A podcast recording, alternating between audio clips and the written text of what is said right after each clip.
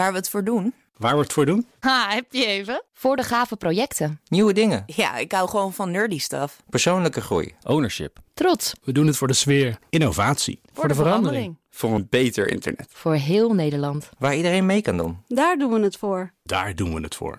Waar doe jij het voor?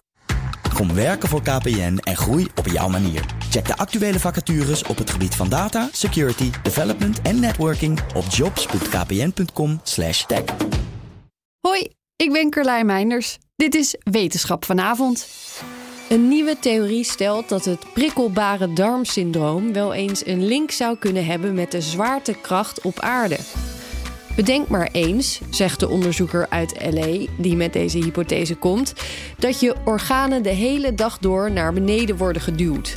Wat als de klachten die bij het prikkelbare darmsyndroom horen, zoals kramp, zweten en rugpijn, een signaal zijn dat het lichaam last heeft van die constante druk? Zo'n 10% van de wereldbevolking heeft het prikkelbare darmsyndroom, maar waar het precies door komt is nog steeds onduidelijk. Is het een verstoord microbioom? Zijn het hormonen? Of gaat er iets mis in de communicatie tussen hersenen en buik? We weten het niet.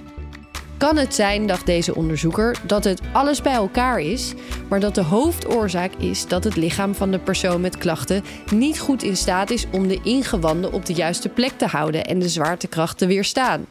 Dat het ophangsysteem dus niet functioneert en daardoor allerlei problemen ontstaan. Het is nu nog maar een theorie, eentje die nog onderzocht moet worden, maar de gedachte is op zijn minst interessant. Is één minuutje wetenschap niet genoeg en wil je elke dag een wetenschapsnieuwtje? Abonneer je dan op Wetenschap vandaag.